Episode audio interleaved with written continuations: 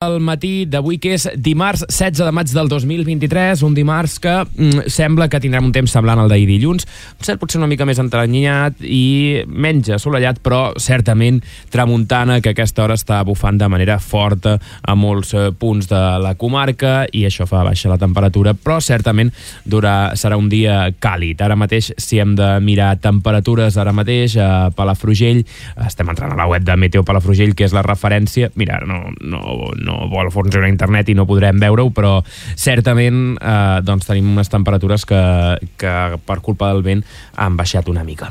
Avui en aquest informatiu us parlarem de la notícia, mm, una de les notícies més rellevants en l'àmbit urbanístic dels últims mesos, i és que la Fiscalia de Medi Ambient s'ha querellat contra la Junta de Govern de Begú. Veu indicis de presumptes irregularitats. Parla de possible prevaricació en tot l'àmbit de Puigmontcal per haver-hi haver concedit les llicències necessàries per construir. També parlarem, evidentment, doncs tot això deriva de SOS Costa Brava, l'entitat demana que eh, els ajuntaments reservin un tant per cent dels seus pressupostos per comprar sols urbanitzables. Us explicarem també la presó, els, eh, que ha entrat a presó un lladre multireincident de Palafrugell que acumulava 11 detencions en 3 mesos. I us explicarem, evidentment, que ja s'ha presentat el 61è carrusel Costa Brava. Les 8 i 2 minuts.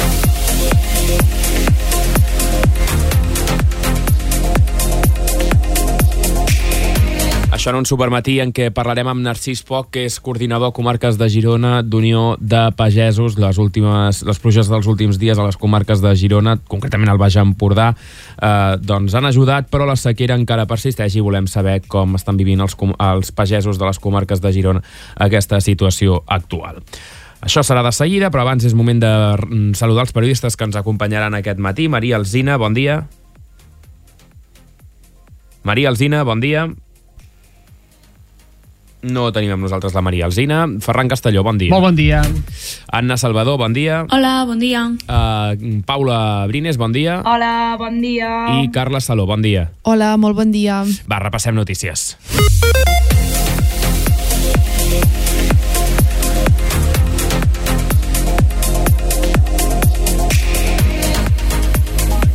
Jo crec que ara sí que puc saludar la Maria Alzina. Maria, bon dia. Sí, jo crec que ara sí, eh? Bon ara dia. sí, sí, sí.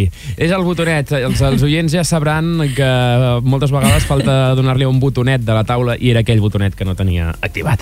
Va, doncs ara anem amb tu, però abans hem d'explicar que la Fiscalia de Medi Ambient ha detectat presumptes irregularitats a Puigmontcal, a Begú. Segons la Fiscalia, el projecte d'urbanitzar nou parcel·les amb respectius xalets al Puigmontcal podria constituir delictes de prevaricació urbanística i contra l'ordenació del territori. La decisió s'ha comunicat als ecologistes que han estat batallant contra la construcció. De la seva banda, Sos Costa Brava proposa que els ajuntaments reservin un tant per cent dels seus pressupostos a comprar sols. Amb aquesta iniciativa es podrien protegir espais naturals. La proposta va ser detallada per Irene Gisbert en una entrevista al Supermatí el divendres passat.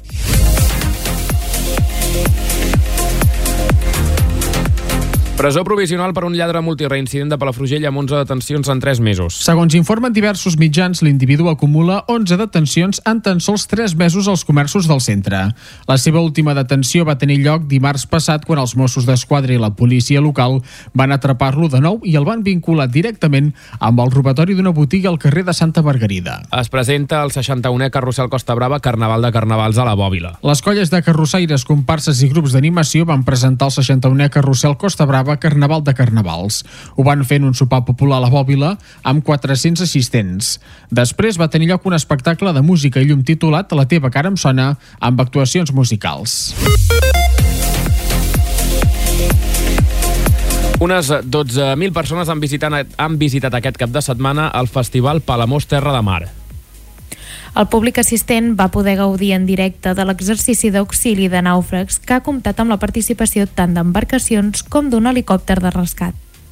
L'Oficina de Turisme de la Bisbal ha estat guardonada amb un accèssit a la innovació 2023 pel projecte Trencadís i, i Trapat 2022. La proposta va servir per crear una obra col·lectiva de ceràmica involucrant turistes i fent-los partíceps i coneixedors de la tècnica del trencadís i de la trepa, dues tècniques molt típiques en ceràmica que alhora van servir per posar en valor un dels principals actius del municipi, la ceràmica de la Bisbal. I l'ofiu homenatge a la gent gran i lliure el reconeixement Humanat 2023. L'acte va celebrar-se el passat divendres al Centre Cultural i Social Bassarroques de Llofriu.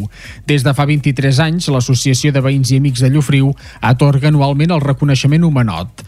Enguany el va rebre Pere Sabrià, restaurador d'ofici.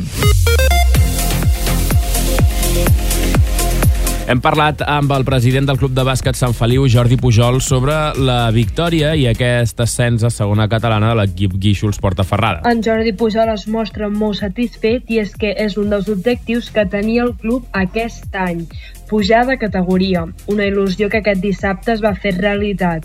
El proper diumenge jugaran a la tarda contra l'Olot, un partit que en cas que el guanyessin faria que assolissin el campionat de la categoria i, per tant, poder accedir al Campionat de Catalunya. I la Unió Esportiva La Pera reuneix una norantena de jugadors per celebrar els 25 anys de futbol femení del club. Per celebrar l'efemèride, el club ha organitzat una trobada d'antigues jugadores que han disputat un partit amistós per recordar com era jugar al camp de la Pera.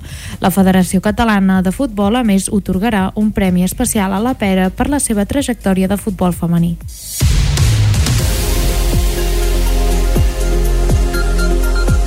Fem un cop d'ull a l'estat del cel i el temps que farà avui. Marc Vilà, bon dia. Bon dia. Quins són els detalls de la previsió del temps eh, per avui a casa nostra? El dimarts es presenta amb dinàmica molt semblant a la de dilluns, potser amb el cel més enteranyinat i una mica menys assolellat, però amb tramuntana, que bufarà encara ratxes molt fortes. Així doncs, tornem a parlar de vent del nord que bufarà a tota la comarca sense excepció i que podrà arribar a superar els 60 km per hora. La situació de vent també ha fet necessari emetre un avís per estat de la mar el Servei Meteorològic de Catalunya adverteix onades que podran superar els dos metres i mig a la costa de la nostra comarca, ocasionant maregassa i en mar de fons de component nord. Cal dir que aquell llindar d'avís es farà més destacable durant la tarda i podria superar-se com més al nord de la comarca i al cap de Begú.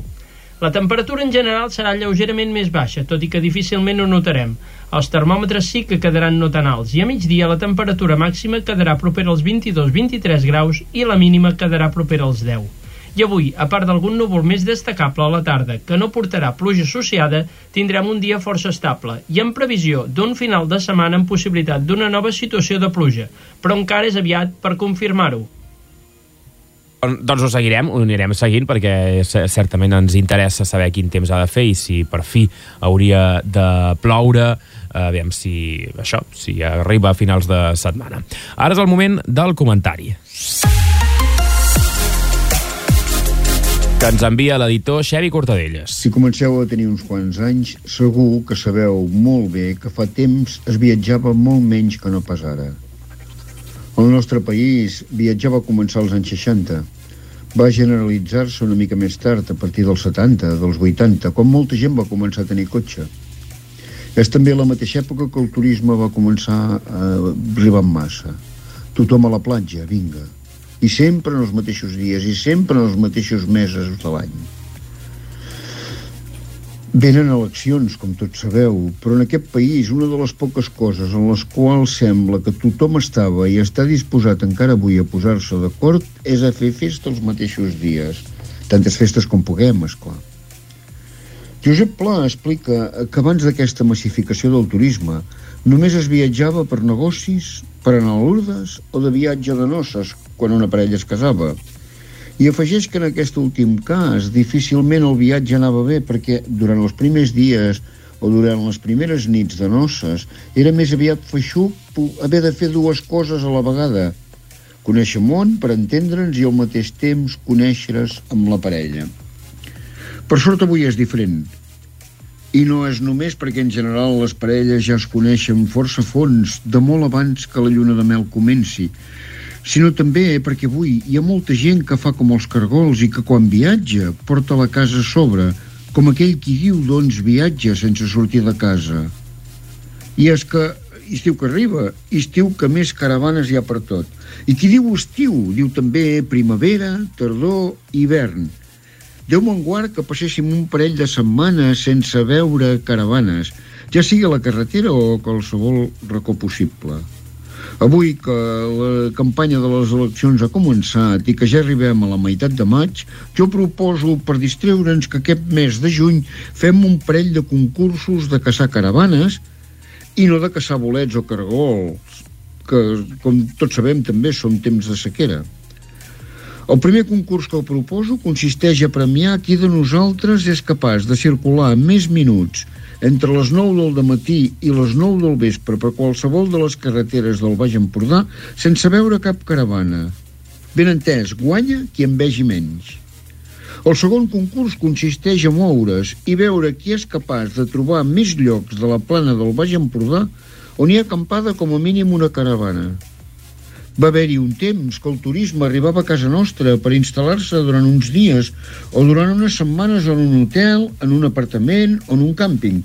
Avui més aviat arriba per poder continuar circulant fins que, quan se'n cansen, acampen allà on els agrada més, a per tot arreu.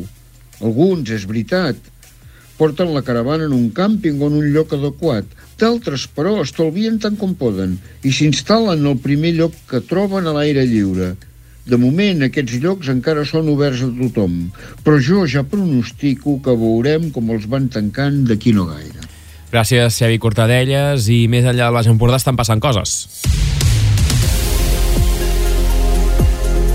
Els Mossos d'Esquadra han, de, han detingut un home com a presumpte autor de la mort de la seva parella a Manresa. Els fets van passar la matina del 6 de maig quan els Mossos van trobar al seu domicili el cos sense vida de la dona, que estava embarassada. Inicialment no es va trobar cap indici de criminalitat, per això es va tractar el cas com a un homicidi. Ara el resultat de les proves forenses indiquen que es, tracta, es tractaria d'un nou crim masclista.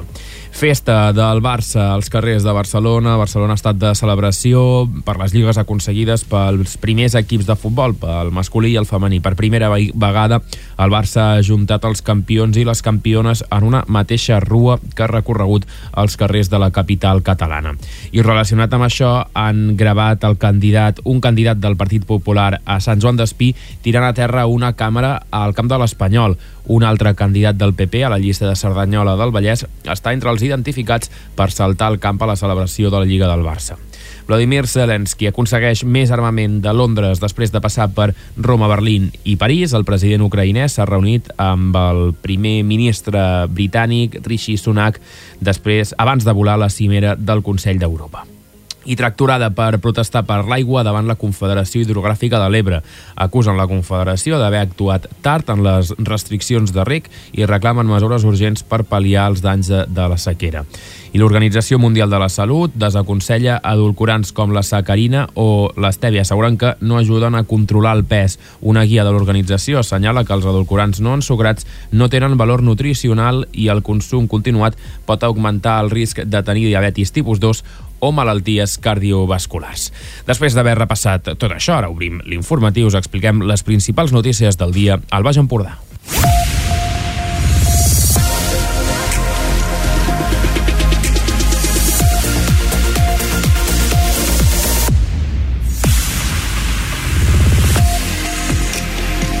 La Fiscalia de Medi Ambient ha iniciat un procés judicial penal per presumptes irregularitats urbanístiques a Begú en relació a la construcció de xalets en terrenys del Puig Montcal al municipi. Segons la Fiscalia, el projecte d'urbanitzar nou parcel·les amb respectius xalets al Puig Montcal podria constituir delictes de prevaricació urbanística i contra l'ordenació del territori. Aquesta decisió s'ha comunicat als ecologistes que han estat batallant contra la construcció. Segons informa el 324, les organitzacions ecologistes denunciants, com Ecologistes en Acció, SOS Costa Brava i Salvem Begú, han rebut la notícia amb satisfacció, però també han expressat prudència i el màxim respecte per la Fiscalia i les persones afectades per la investigació penal. Confien que la decisió judicial pugui comportar el final d'una etapa urbanística Begú d'urbanització desaforada, diuen, amb afectació als boscos i muntanyes, i un canvi de rumb en la política urbanística perquè sigui més respectuosa amb el patrimoni natural i paisatgístic del municipi.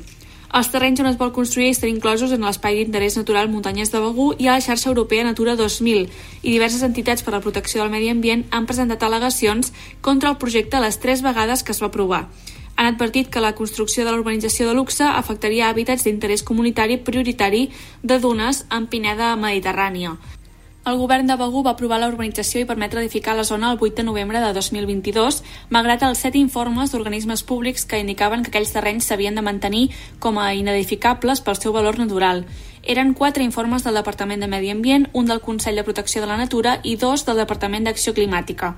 Això va portar els grups ecologistes a impugnar l'acord d'aprovació definitiva de la modificació puntual del pla parcial al Tribunal Superior de Justícia de Catalunya, que ha admès finalment a tràmit el recurs contenciós. Doncs aquesta notícia arriba en plena campanya electoral, en un moment en què des de SOS Costa Brava els ecologistes també estan apretant perquè la població voti pensant també en el medi ambient. Han posat en marxa, com ja us vam explicar, el lema i la campanya No votis totxo, vota natura, que aglutina més de 25 entitats en defensa del litoral lliure de ciment i vol que els ciutadans siguin conscients a l'hora d'anar a votar per evitar més construccions massives al litoral gironí. Carla. En el supermatí del divendres passat, Irene Gisbert, la presidenta de SOS Costa Brava, va afirmar que és el moment que la gent sàpiga que amb el seu vot escollirà les persones que podran decidir si tirar endavant projectes de construcció massiva. A la vegada, afirma que són els ajuntaments els que tenen les eines i les competències per desclassificar les zones i no permetre construir edificacions en zones naturals com ara pinedes.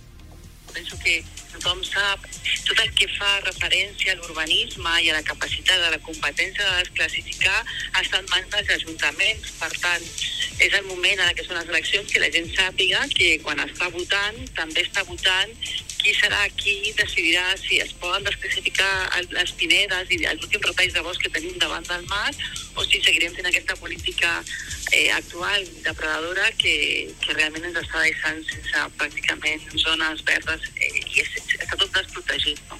Per tant, és el moment per decidir eh, qui és la persona que, qui seran les persones que ens governaran i si tenen sensibilitat eh, a nivell ecològic, evidentment. Des de Sos Costa Brava defensen i demanen als ajuntaments que comprin sols per protegir espais naturals. Més concretament, demanen destinar el 5% dels pressupostos a comprar sols.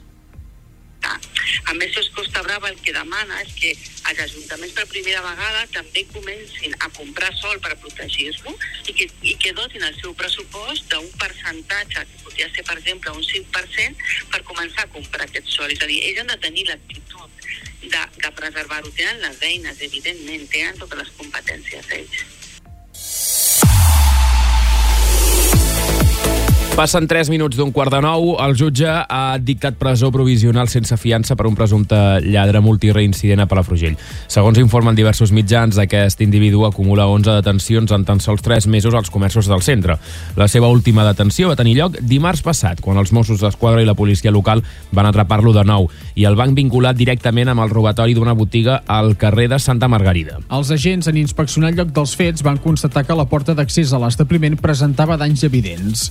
No va passar molt temps fins que va localitzar el presumpte lladre que portava part del botí sostret. La investigació també ha establert una connexió entre aquest individu i un altre robatori similar ocorregut el passat 26 d'abril en un altre comerç de la zona. En aquella ocasió es va descobrir dues empremtes del detingut en un vidre de la porta. Ara, després d'examinar l'historial delictiu de l'individu, el jutjat d'instrucció ha pres la decisió d'enviar-lo a presó provisional sense fiança. El fiscal, Víctor Pillador, ha argumentat la necessitat d'aquesta mesura per prevenir la seva possible reincidència en noves activitats delictives. Cal tenir en compte que aquest individu ha estat detingut en un total de 14 ocasions, 11 de les quals des del mes de febrer. 12 estan relacionades amb delictes contra el patrimoni, sobretot robatoris amb força. A més, hi ha 8 causes pendents en diversos jutjats de la Bisbal i Figueres. M'encanta que el fiscal, que ja n'hem parlat, ja hem sentit el seu nom en algun moment en els últims mesos, m'encanta que el fiscal que es dedica a temes de robatoris i a portar la gent a la presó es digui Víctor Pillado. M'encanta. E -e és poètic.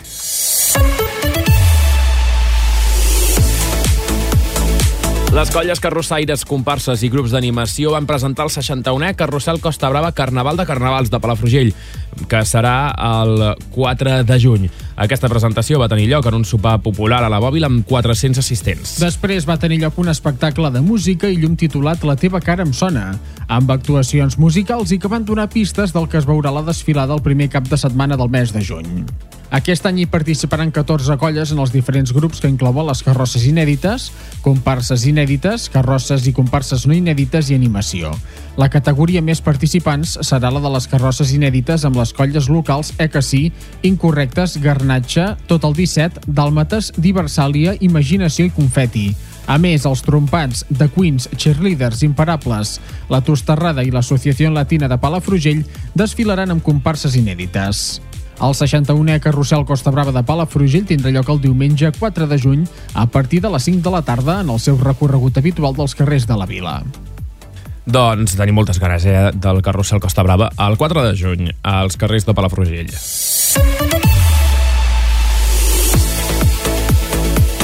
Unes 12.000 persones han visitat aquest cap de setmana el Festival Palamós Terra de Mar. El públic assistent va poder gaudir en directe de l'exercici d'auxili de nàufrags que ha comptat amb la participació tant d'embarcacions com d'un helicòpter de rescat Maria. Tot aquest públic assistent ha pogut participar de totes les activitats programades durant tot el cap de setmana, destacant la visita a les embarcacions atracades al port, com la del Paliabot Santa Eulàlia, del Museu Marítim de Barcelona o la Goleta Aran. També han estat visitables els vaixells de salvament Punta Mayor de 60 metres d'eslora i l'embarcació Salvamar Sirius, amb dos de la Direcció General de la Marina Mercant i dedicats a de rescat, o bé el vaixell dels Mossos d'Esquadra Cap de Creus i les patrulleres de vigilància Rio Francolí i Rio Guadalquivir Guadalquivir del Servei Marítim de la Guàrdia Civil.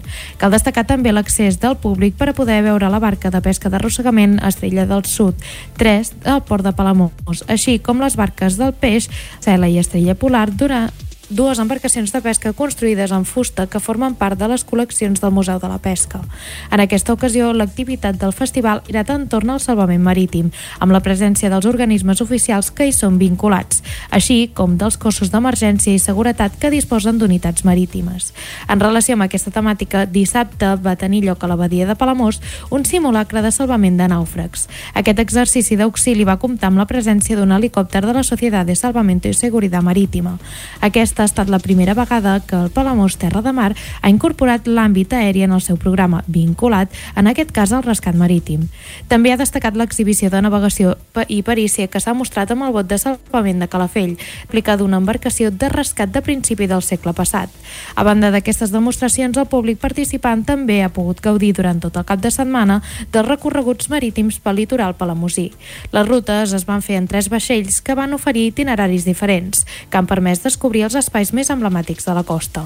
El programa d'activitats del Palamós Terra de Mar es va complementar amb la possibilitat de participar en la iniciació a la navegació a la vela lleugera amb caiac i pàdel surf, el tas de cuina marinera a càrrec dels pescadors locals, participar en els jocs i tallers infantils o bé seguir l'evolució de la tradicional travessa popular de natació a la badia.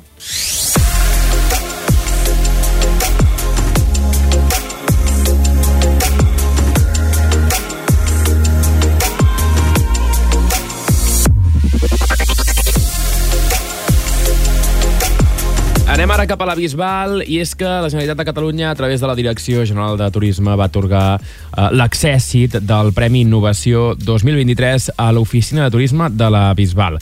Ho han fet pel projecte Trencadís i Trepara't del 2022. La proposta dut a terme l'any passat per l'Oficina de Turisme va servir per crear una obra col·lectiva de ceràmica col·locada a les jardineres de l'Aigüeta i als jardins de Torre Maria, involucrant turistes i fent-los partícips i coneixedors de la tècnica del trencadís i la trepa. Són dues tècniques molt típiques en ceràmica i que alhora van servir per posar en valor un dels principals actius del municipi, la ceràmica de la Bisbal. Atès de la tradició ceràmica de la Bisbal d'Empordà i la seva importància internacional, cada any l'àrea de promoció i desenvolupament local de l'Ajuntament posa en marxa activitats vinculades a aquesta disciplina per a la promoció de la marca ceràmica de la Bisbal. Amb aquesta finalitat, l'estiu passat es va crear una activitat adreçada a tots els públics gerats per tal d'implicar turistes que visitessin els dos punts d'informació turística oberts al públic, Torre Maria i el Castell Palau. El projecte del trencadís es va portar a terme a l'oficina de turisme la Torre Maria. L'objectiu dels visitants era poder participar en aquesta obra col·lectiva creant un mosaic sobre una gerra de ceràmica amb peces de ceràmica de diferents colors. Al final de l'estiu, la gerra va quedar coberta de les diferents peces donant una diversitat cromàtica molt interessant, la qual està exposada als jardins de Torre Maria. Per altra banda, en el punt d'informació turístic ubicat al Castell Palau de la Bisbal, es va impulsar la col·laboració als visitants en una obra ceramista col·lectiva mitjançant la tècnica de la trepa. Es tracta d'un mètode de decoració de ceràmica en què, a partir d'una plantilla, els visitants que hi participaven tenien l'oportunitat de decorar rajoles de 10 per 10 centímetres o bé de 15 per 15 amb diferents motius florals. La versatilitat i senzillesa de la trepa van fer possible la realització d'aquesta activitat. Les diferents rajoles creades pels visitants estan col·locades a les jardineries del carrer de la Higueta. L'objectiu del projecte Trencatís i Trepa 2022 era el de crear una nova experiència turística als visitants a la ciutat i fer-los partíceps de la tradició ceramista i en la millora de l'estètica de la via pública del municipi incorporant elements ceràmics. A més, cada vegada que un visitant amb la seva família participava en el projecte, se'ls proposava de crear un display de fons d'un fotoreclam on poguessin fer-se una foto amb la seva peça. Aquesta acció va contribuir, d'una banda, a que els visitants s'aportessin el record del moment i de l'altra, la seva difusió a les xarxes socials de Visit la Bisbal per tal de donar un major reconeixement de la Bisbal d'Empordà i de la seva activitat. Llufriu lliura el reconeixement Humanot 2023 al restaurador Pere Sabrià. També han celebrat un acte d'homenatge a la quarantena de persones de 70 anys o més que estan empadronades a la població. L'acte va celebrar-se el passat divendres, 12 de maig, al Centre Cultural i Social Bassa Roques. Des de fa 23 anys, l'Associació de Veïns i Amics de Llufriu atorga anualment el reconeixement Humanot. Enguany el va rebre Pere Sabrià, restaurador d'ofici. Sabrià va obrir l'any 1977 el restaurant Sala Gran de Llofriu, que s'ha consolidat com una de les referències gastronòmiques de la zona i ha adquirit notorietat com a espai per esdeveniments i celebracions. També es va fer una xerrada de Sandra Bisbe i l'agrupació excursionista de Palafrugell sobre la recuperació de les fonts del municipi. Felicitats a totes les persones guardonades eh, de, en aquest nucli de Llofriu.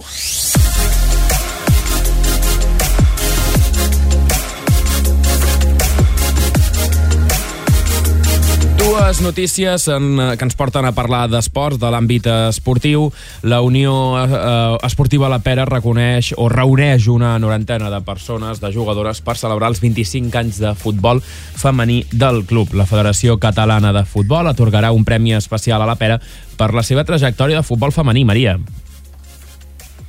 Per celebrar l'efemèride, el club ha organitzat una trobada d'antigues jugadores que han disputat un partit amistós per recordar com era jugar al camp de la Pera.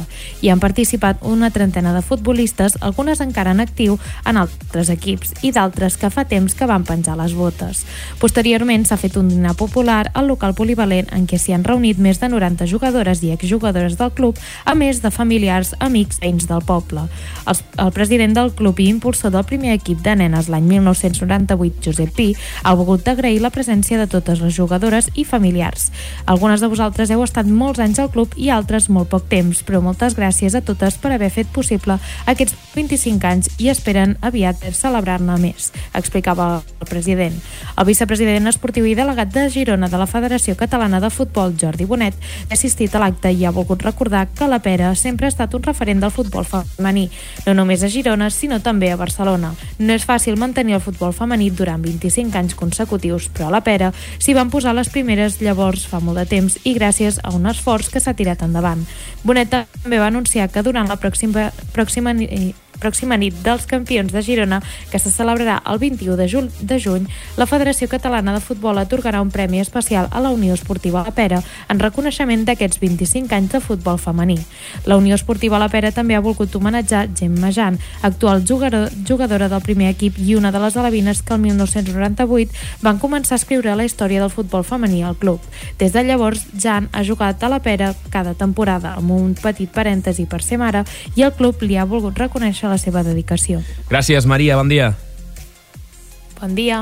I aquest cap de setmana l'equip Guíxols Porta Ferrada va ascendir a segona catalana en bàsquet. Estem parlant ara, eh? després de guanyar el partit contra la Unió Girona Maristes. I hem parlat amb en Jordi Pujol, que és el seu president. El president es mostra molt satisfet i és que és un dels objectius que tenia el club aquest any. Una il·lusió que aquest dissabte es va fer realitat juntament amb 400 seguidors. La notícia de l'ascens va fer que els membres del club com els seguidors ho celebressin amb una gran festa. Pujol ha detallat quines van ser les celebracions d'aquest cap de setmana. El fet d'haver guanyat i també tan, sobrada, tan sobradament contra els maristes, uh mhm. -huh. doncs eh, va, va, va ser que el, el partit doncs, fos una mica de bassa i al final pogués explotar tothom, tant el públic, teníem el pavelló ple de gom a gom, quasi 400 persones, uh mhm. -huh i a més després les celebracions que van fer van fer unes celebracions pel poble, per Sant Feliu amb una carrossa eh, vam córrer tot el passeig després eh, les autoritats, l'alcalde i els regidors ens, ens van rebre l'Ajuntament bueno, va ser una, una nit molt maca i que tots la recordarem durant molt de temps. El president ho resumeix com una nit per recordar, d'ençà que la Junta que encapçala va entrar a treballar pel club tenien clar que volien formar una molt bona cantera. De fet, quan van prendre posició de la presidència hi havia només 5 equips i només 4 nens a l'escoleta. Doncs eh, celebrem també la, la bona feina de, de, en aquest cas doncs, del, de l'equip de Guíxols Porta Ferrada i és que el fet és que ara mateix compten amb 19 equips després de la feina que han fet durant aquests dos anys i mig. Pujol agraeix la feina feta per entrenadors, coordinadors i directors esportius. Com ell diu, tota aquesta feina la fan pel poble perquè és parc de Sant Feliu i perquè els nens de Sant Feliu puguin anar pujant de categories. La seva idea directiva és que hi hagi un accent, ascens generacional, que els més petits reemplacin els que ja es vagin jubilant. Sí que estem mirant de que el nivell dels jugadors doncs, eh, pugui anar augmentant a poc a poc i d'aquesta manera, si fa falta, doncs, no hi hagin aquests salts generatius a vegades passen als primers equips que tens una bona fornada de jugadors i eh, vas pujant de categoria i després de cop i volta no tens ningú a, a, a darrere que te, que te rellevi i quan eh, fa falta jugadors nous no, després no en tens i baixes de cop. Per, tant, la nostra intenció és aquesta, que el, el sota pugui anar pujant i, puguin anar, doncs, com faci falta, doncs, reemplaçant a tots els equips que es vagin, a tots els grans que es vagin jubilant. L'objectiu del club és la il·lusió, com afirma el president. Per això les ganes de la directiva és continuar a anar més, però sempre mantenint els jugadors del poble amb algun petit esforç. Ara, aquest diumenge, jugaran a la tarda contra Olot, un partit que en el cas que guanyessin faria que assolissin el campionat de la categoria i, per tant, poder accedir al campionat de Catalunya. Passen dos minuts de dos quarts de nou.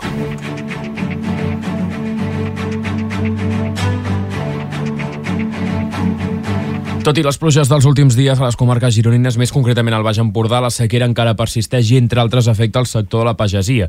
Per parlar-nos més de la situació que actualment viu el país i, concretament, el sector de la pagesia de casa nostra, avui al Supermatí ens visita el coordinador de les comarques de Girona d'Unió de Pagesos, Narcís Poc. Bon dia, senyor Poc. Hola, bon dia, Dani. Quina és la situació actual dels camps gironins després d'aquestes pluges? Han ajudat en alguna cosa o no? Bueno, no. En principi no, no han ajudat a res perquè, perquè arriben molt tard a parlar de pluges que arriben a primers de maig i així. Quan portem un període tan llarg de sequera, la terra està tan seca, doncs per més que plogui hi ha molts de conreus que ja pràcticament han completat el segle, el circle, han, han florit, eh, anaven a granar, no han tingut prou aigua per granar i s'han perdut tot el que serien doncs, doncs els, conver els, tot el que és hivern, el blat, l'ordi, la cibada i tot això, sí que afavoriran algun ferratge, regràs, algun menjar pel bestiar, algun user d'alguna cosa d'aquestes, sobretot a tot el que és més la Girona interior, doncs, però, però per solucionar doncs, la sequera que hem patit ara ja, ja no és tard ja. Quan diu perdre, vol dir perdre mm, totalment? Bueno, perdre totalment, amb un 70%, amb un 50%, sí. Dependrà, amb un 30%, mm, dependrà doncs, de, de les finques. Hi ha finques que aguanten més i conreus que aguanten més la secada, finques que venien més tardanes, que les va, varietats que es van sembrar molt més tard, doncs, bueno, han agafat aquestes darreres pluges i, i això encara els ha salvat una mica, però una collita normal serà molt difícil que sigui a cap camp de les comarques de Girona. Això què implica per vosaltres? Bueno, implica pèrdues, evidentment. Implica pèrdues. És un any, doncs, que, que el sector dels cereals, doncs, patirà unes pèrdues molt importants perquè no, no hi haurà collita. Bueno, implica per nosaltres i, i implica per tota la societat, eh, també. O sigui, això al final eh, acabarà afectant a tothom, per dir-ho d'una manera. Perquè, clar, això, eh, com deia, eh, és una pèrdua total, però a nivell econòmic eh, tenen alguna manera de, de recuperar aquestes pèrdues? Bé, a les zones de el que tingui assegurança doncs, podrà, podrà fer servir l'assegurança, fer servir l'assegurança, passar part de l'assegurança, mirar a veure, a veure si li compensa una part una part de les pèrdues, però en zones que són de regadiu i així, bueno, això ja no és possible, però, bueno, no, no, no, no, no hi ha cap més altra sortida que collir el poc que queda, mirar d'aprofitar el que hi ha, i el cas que algú tingui assegurat per sequera, doncs podrà cobrar l'assegurança. No, eh, clar, això és, no és habitual tenir una assegurança per sequera, o no, no ho té tothom? Bueno, les comarques gironines estàvem acostumats doncs, que tant de tardor com de primavera estaven ben les regades. Vale? Érem, érem unes comarques que, sí que podien patir doncs, períodes de sequera, un any o un altre any, però érem unes comarques que estaven doncs això, ben regades.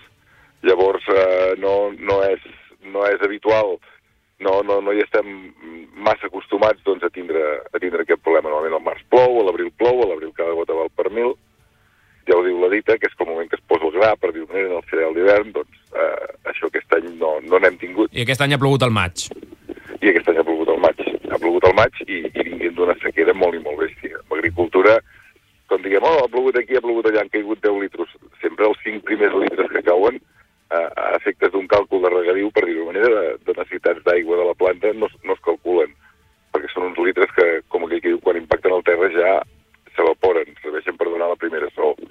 I sempre han sigut pluges molt minces, hem sentit a parlar de pluges de 15 litres, de 20 litres, de 25 litres, de 5 litres, 5 litres, a la, a la comarca de l'Alt Empordà i part del Baix, eh, ha sigut molt freqüent doncs, durant tot aquest període de pluges que hem tingut al maig que caiguessin 4 litres i després vinguessin dos dies de tramuntana.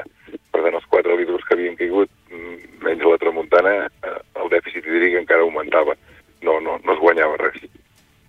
Per tant, entenc que eh, potser també és, a dir, és- un problema, imagino que deu haver dues vessants del problema, no? Per una banda, la manca de pluges que afecta directament a, a, a, al rec natural, diguem-ne, però després hi ha les restriccions que s'han generat perquè mm, a tota la conca del Ter per evitar eh, manca d'aigua també us han afectat? Sí, sí, restriccions afecten totalment el que és el regament del Baix, del Baix Ter i, i en el cas de l'Alt Empordà els regants de Darnius i Boadella, que són els que, que, són els que doncs, no podran arregar o tindran unes restriccions d'ús molt, molt elevades de l'aigua i hauran de reduir doncs, les produccions. De fet, ja, ja s'ha, en aquests moments ja s'ha regulat. Aquest any tindrem el 50% de superfície a l'arròs de pals per manca d'aigua. O sigui, segur que ja només es collirà un 50% de l'arròs de pals. Per tant, aquí ja, ja hi tenim una, unes pèrdues, perquè les explotacions, doncs, amb el 50% dels ingressos, tot està calculat per, per les dimensions amb els ingressos que tens i, i els costos que tens. Llavors, bueno, eh, serà un any complicat de gestionar, difícil de passar, i, i bueno, però haurem de tornar-hi. Ara, ara aniria perquè li volia preguntar específicament també per l'arròs, per la poma, um, però també, ara, ara hi vaig, però abans li vull preguntar per això, per les restriccions. Quines restriccions teniu ara en marxa?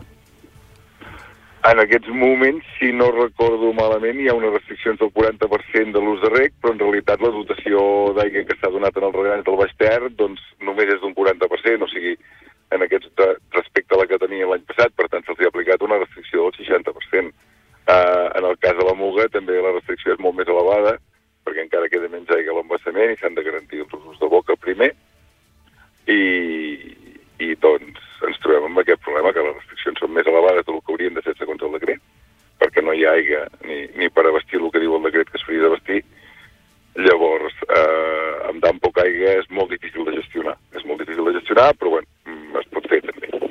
podria haver fet diferent?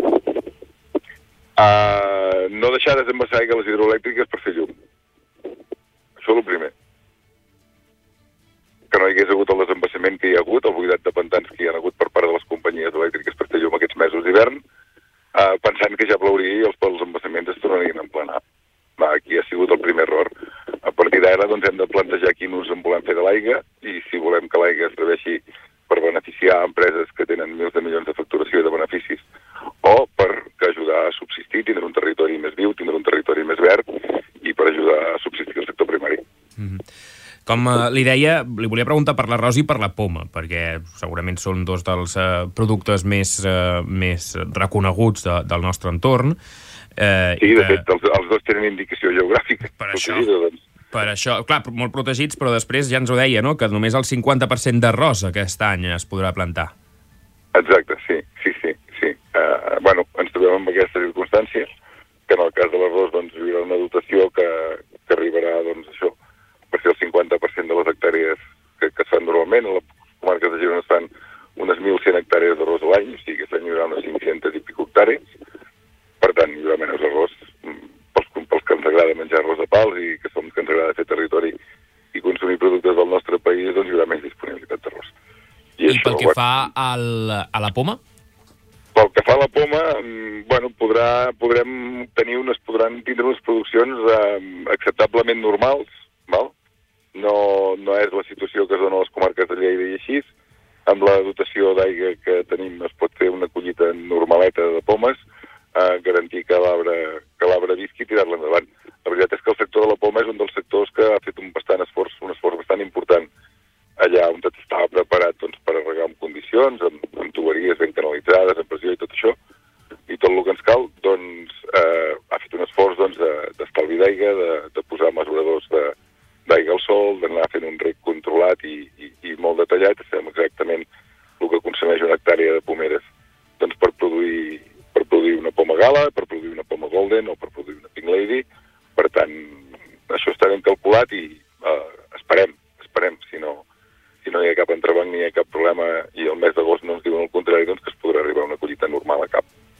Tots els conreus tenen aquesta preparació com el, el que ens deia de, de la poma o creu que amb aquesta situació que estem vivint ara mateix potser pot servir per, per poder-hi treballar, no? en, en poder conèixer i fer, tenir eines per conèixer més el camp i per eh, estudiar més la necessitat d'aigua?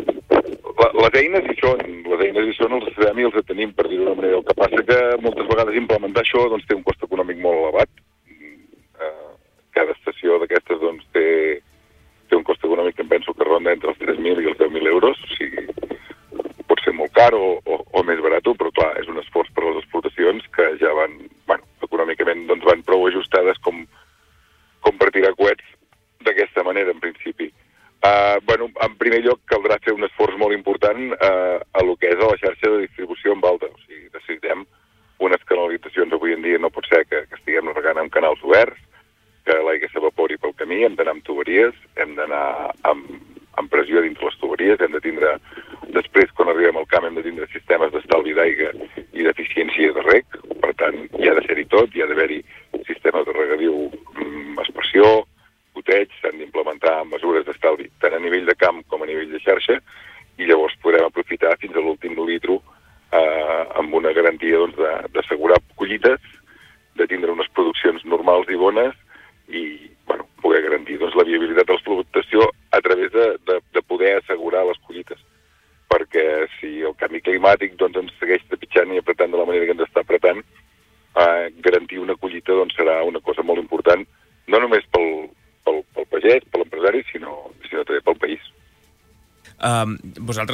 de Pagesos heu fet uh, reivindicacions a tot el país. Uh, aquí a les comarques de Girona, quines accions uh, de protesta us plantegeu? En principi, pel tema de la sequera, de moment sembla que ningú ha plantejat cap, cap, cap protesta ni cap reivindicació, a no ser que es torceixi i la Generalitat es desdigui del que ens havia dit. Que llavors sí que ens plantejarem mobilitzacions i ens plante- plantejarem mobilitzacions realment serioses. Quan dius, quan dius uh, que la Generalitat es desdigui, et refereixes a la quantitat d'aigua assignada? Sí, o la... els hectòmetres, els hectòmetres assignats als regants per poder, per poder tirar endavant. Uh, en tot cas, us sentiu escoltats per la Generalitat? Uh, escoltat sí, però probablement doncs, uh, ens sentim una mica castigats en l'aspecte de que som qui, qui fa l'esforç més gran d'estalvi d'aigua. Val? O sigui, els regants del Ter haurien de tindre una dotació de 44 hectòmetres cúbics i en aquests moments doncs, la Generalitat els hi ha concedit una dotació, segons el decret, eh? o sigui, calculant el que tenien l'any passat, la dotació de l'any passat treus el 40%, doncs et queden 44 hectòmetres cúbics. En 44 hectòmetres cúbics, els regants del Baix Ter ja se'n veien en cor de fer autèntiques meravelles, però se'n veien en cor de tirar moltes collites endavant, però l'assignació al final va ser de 38 hectòmetres cúbics i això fa que t'hagis d'ajustar molt més. I, I sí, ens sentim escoltats, però ens sentim que també som dels que els se'ls demana, sí que som dels que consumim més aigua, però som dels que se'ns demana un esforç més gran. Som pràcticament l'únic sector que se'ns està demanant un esforç de restricció econòmica molt sever a causa de la sequera. Teniu la sensació que l'aigua del Ter encara eh, es produeix això de, que se'n va a altres usos que no són a les comarques de Girona? Home, a veure, l'espoli del Ter és una cosa que no es pot negar. En cap moment s'ha compensat el territori perquè es despoli. L'aigua del Ter a, a, l'àrea metropolitana de Barcelona li surt molt barata, és una aigua que li surt molt barata. Pensem que, que l'aigua que surt, de, si no recordo malament, d'una desfiladora val 40 vegades més que l'aigua del Ter. Per tant, les comarques de l'àrea metropolitana seguirà aprofitant aquesta aigua del Ter tant que pugui i això ho sap. Això s'ha d'acabar. Això un dia o altre s'hauria d'acabar amb un país seriós. Això s'acaba. Els transvasaments no tenen sentit i l'aigua s'ha de generar allà on es necessita i si no n'hi ha, bueno, si no n'hi ha, s'haurà de generar. Però les conques han de ser preferents, les conques han de tindre preferència. El que no podem fer és matar un territori per alimentar una àrea metropolitana. Per tant, eh, l'àrea metropolitana, doncs, si necessita dues dessaladores més, doncs es fan dues dessaladores més i que ells s'autobusteixin amb aigua dessalada, que recirculin l'aigua, que la reciclin i que retornin d'una manera o altra doncs, tot l'espoli que se li ha fet en el Ter durant aquests anys. Narcís Poc, coordinador a comarques de Girona d'Unió de Pagesos. Gràcies i que tingui molt bon dia.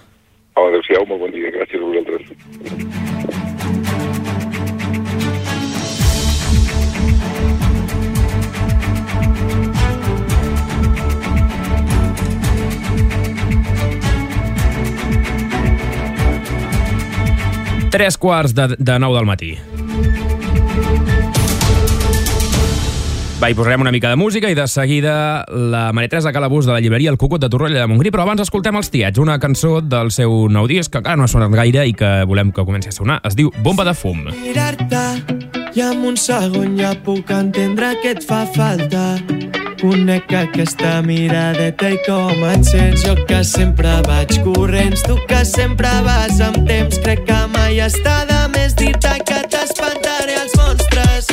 Que vull que em robis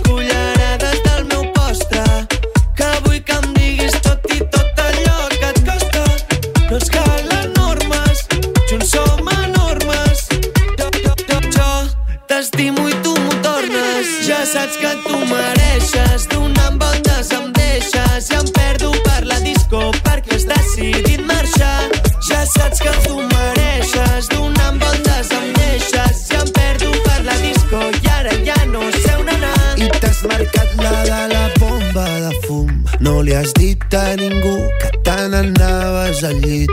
I ara em trobo buscant tant els records de la nit. I m'he quedat esperant per si tornessis per aquí dir-te que jo t'estimo i tu m'ho Ja tornes saps que tu mereixes donant voltes em deixes. I em perdo per la disco perquè has decidit marxar. Ja saps que tu mereixes donant voltes em deixes. I em perdo per la disco i ara ja no vas voler explicar Quants cops ho vas repetir i no et vaig voler escoltar I sé que tu m'ho vas dir, no vas voler explicar Quants cops ho vas repetir i no et vaig voler, vaig voler, vaig voler escoltar. No, no, no, no, no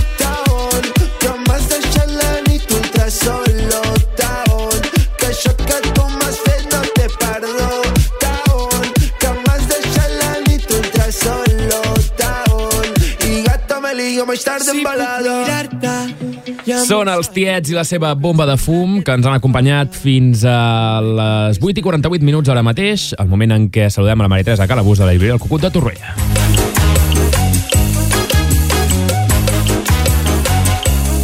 Dia, com estàs? Hola, bon dia, molt bé. Com anem? Molt bé, molt bé. Sí. molt bé, entre llibres, no, no entre campanya política. No, això t'anava a dir... vosaltres. Això t'anava a dir, mira, no saps com d'útil m'està sent la literatura i els llibres aquests dies que, tan intensos de campanya electoral que arribes Clar. a casa i dius, ja no puc més. Clar, Prou. que- Que s'acabi això ja. I Ja. agafes un llibre, vas llegint i tu, i jo em relaxo molt. Sí, sí, et quedes així en un altre món i et deixes portar, eh? A Mhm. més, quedes molt més, d'alguna manera, protegit que Sí.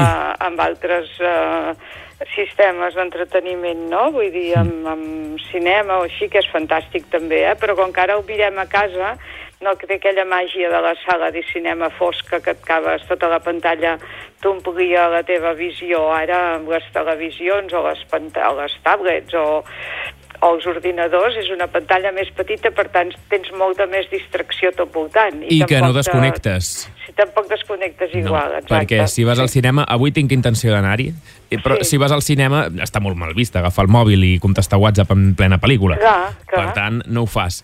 Eh, Clar, però si, en canvi, si mires una pel·lícula o una sèrie a casa des del sofà, tens el mòbil al costat i vas ah, mirant... exacte.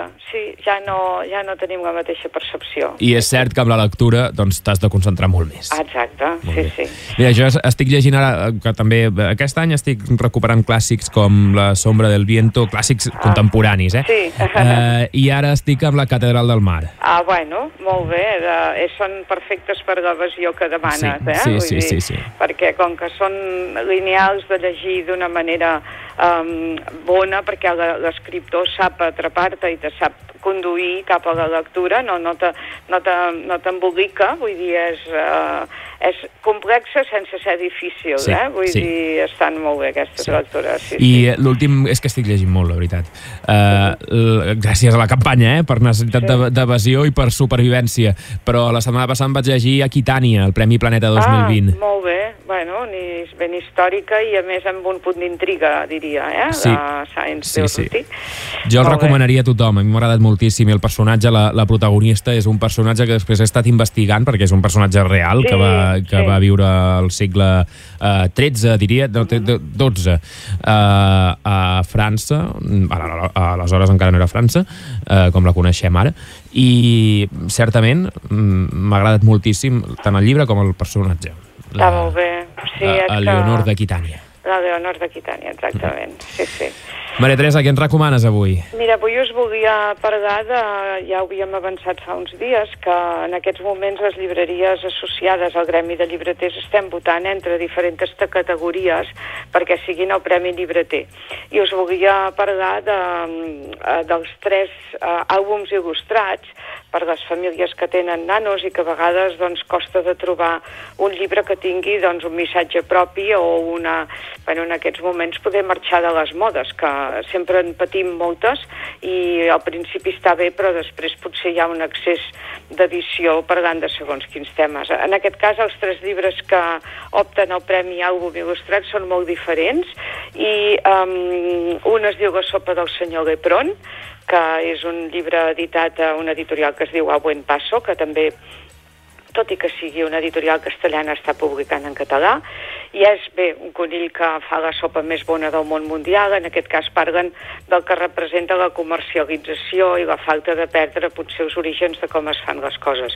En aquest cas és uh, un conill que fa la millor sopa i com que té tant d'èxit, tant d'èxit, acaba doncs, convertint-la en una sopa de, de instantània posada ja en, en, en pots, en llaunes i la comercialitza, evidentment eh, ja us podeu imaginar que perd l'essència i que llavors s'ha de recuperar altra vegada aquesta senzillesa de les coses fetes al moment. Mm -hmm. És a dir, la sopa del senyor Lepron, un àlbum il·lustrat molt treballat a nivell d'imatge i mm, molt, eh, no sé com us diria, eh, amb un aire així no antic, que semblaria una paraula que poder no li dona prestigi, però mm, amb, de, de, de, Doncs llavors, cuidar-ho, de vintage. cuidar el dibuix, exacte. De, de Si no, vols dir antic, has de dir vintage. Sí, no fer-ho, res fet a la babalà, saps? Tot fet amb molt de cura i amb molta, amb molta atenció.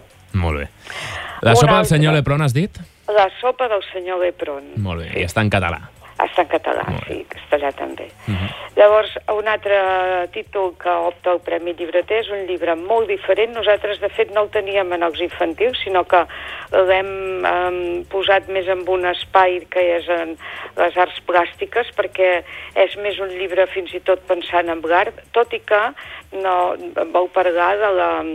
De, de, mira, precisament una mica del tema polític de, del feixisme o de la eh, falta de tolerància, de, Mhm. la, de la incomprensió també de tot el diferent. En aquest cas són un rei i una reina que només volen en el seu regne tenir eh, eh, coses amb la imatges, amb imatges de línies rectes o, o punxegudes o triangulars, vull dir, en cap cas res rodó, um, res que dongui peu um, a imaginar. O sigui, tot ha de ser una...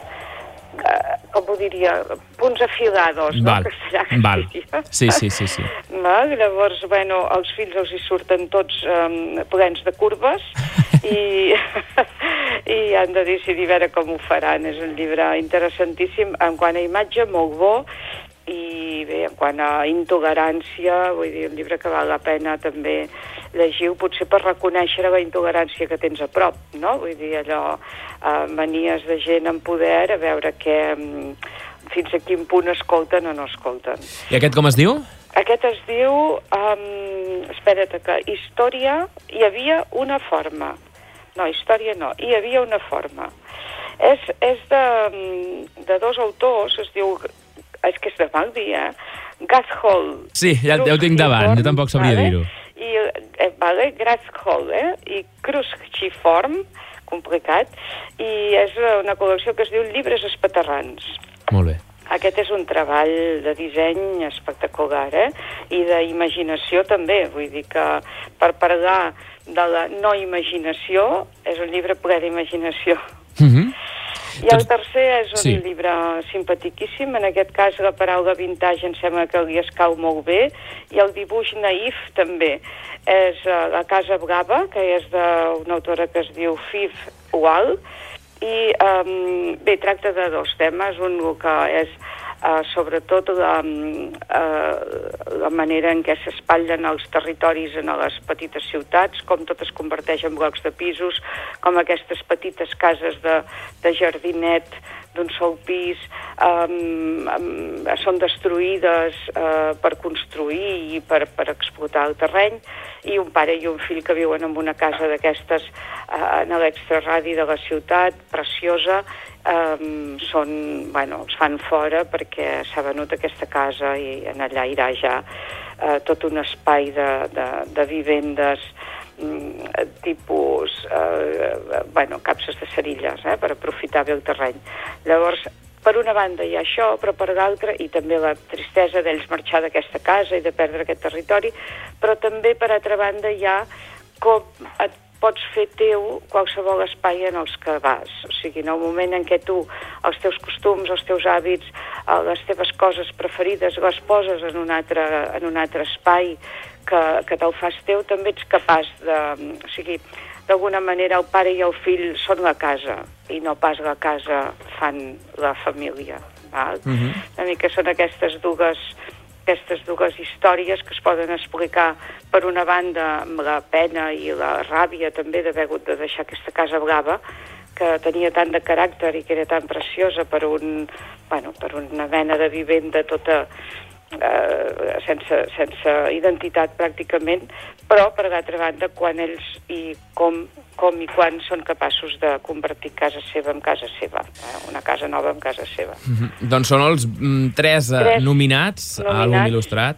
Uh, Premi Llibreter, àlbum il·lustrat. Mm -hmm. Quan s'ha de conèixer el guanyador? Uh, el mes de juny, El ara de no recordo exactament el dia, però teniu temps uh, per veure aquests llibres. Uh, evidentment voten les llibreries, Mhm. però bueno, també hi pot haver llibreters que bueno, tinguin lectors de confiança i gent que també els hi donguin opinió. Un comitè assessor, eh? Exacte, i en poden parlar, o com a mínim sí que són tres obres que val molt la pena conèixer i havent sigut jutjades per un jurat llibreter, eh, bé, ja aquí a vegades diu ai, és que no acabo de trobar coses diferents o um, no sé què comprar o bueno, pues, que li donguin una ullada a aquestes tres obres que totes tres tenen molta força. Molt bé. La sopa del senyor Lepron, hi havia una forma i la Casa Blava.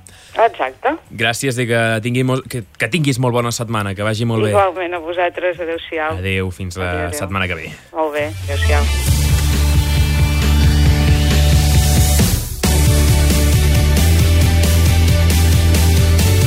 Acabarem aquest supermatí fent un últim repàs a la previsió del temps amb en Marc Vila. El dimarts es presenta amb dinàmica molt semblant a la de dilluns, potser amb el cel més enteranyinat i una mica menys assolellat, però amb tramuntana, que bufarà encara ratxes molt fortes.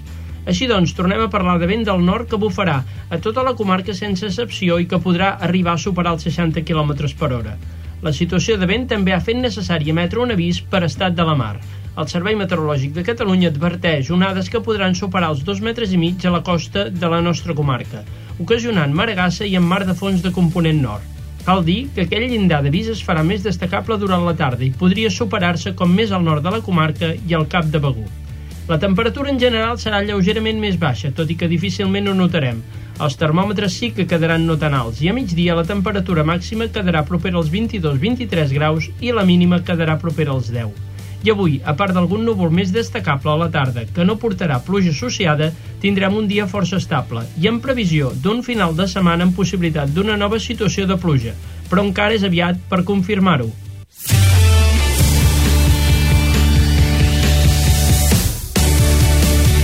El Supermatí torna demà a les 9 del matí en directe per Ràdio Palafrugell, Ràdio Capital i Ràdio Bisbal. Que tingueu molt bon dia i fins demà.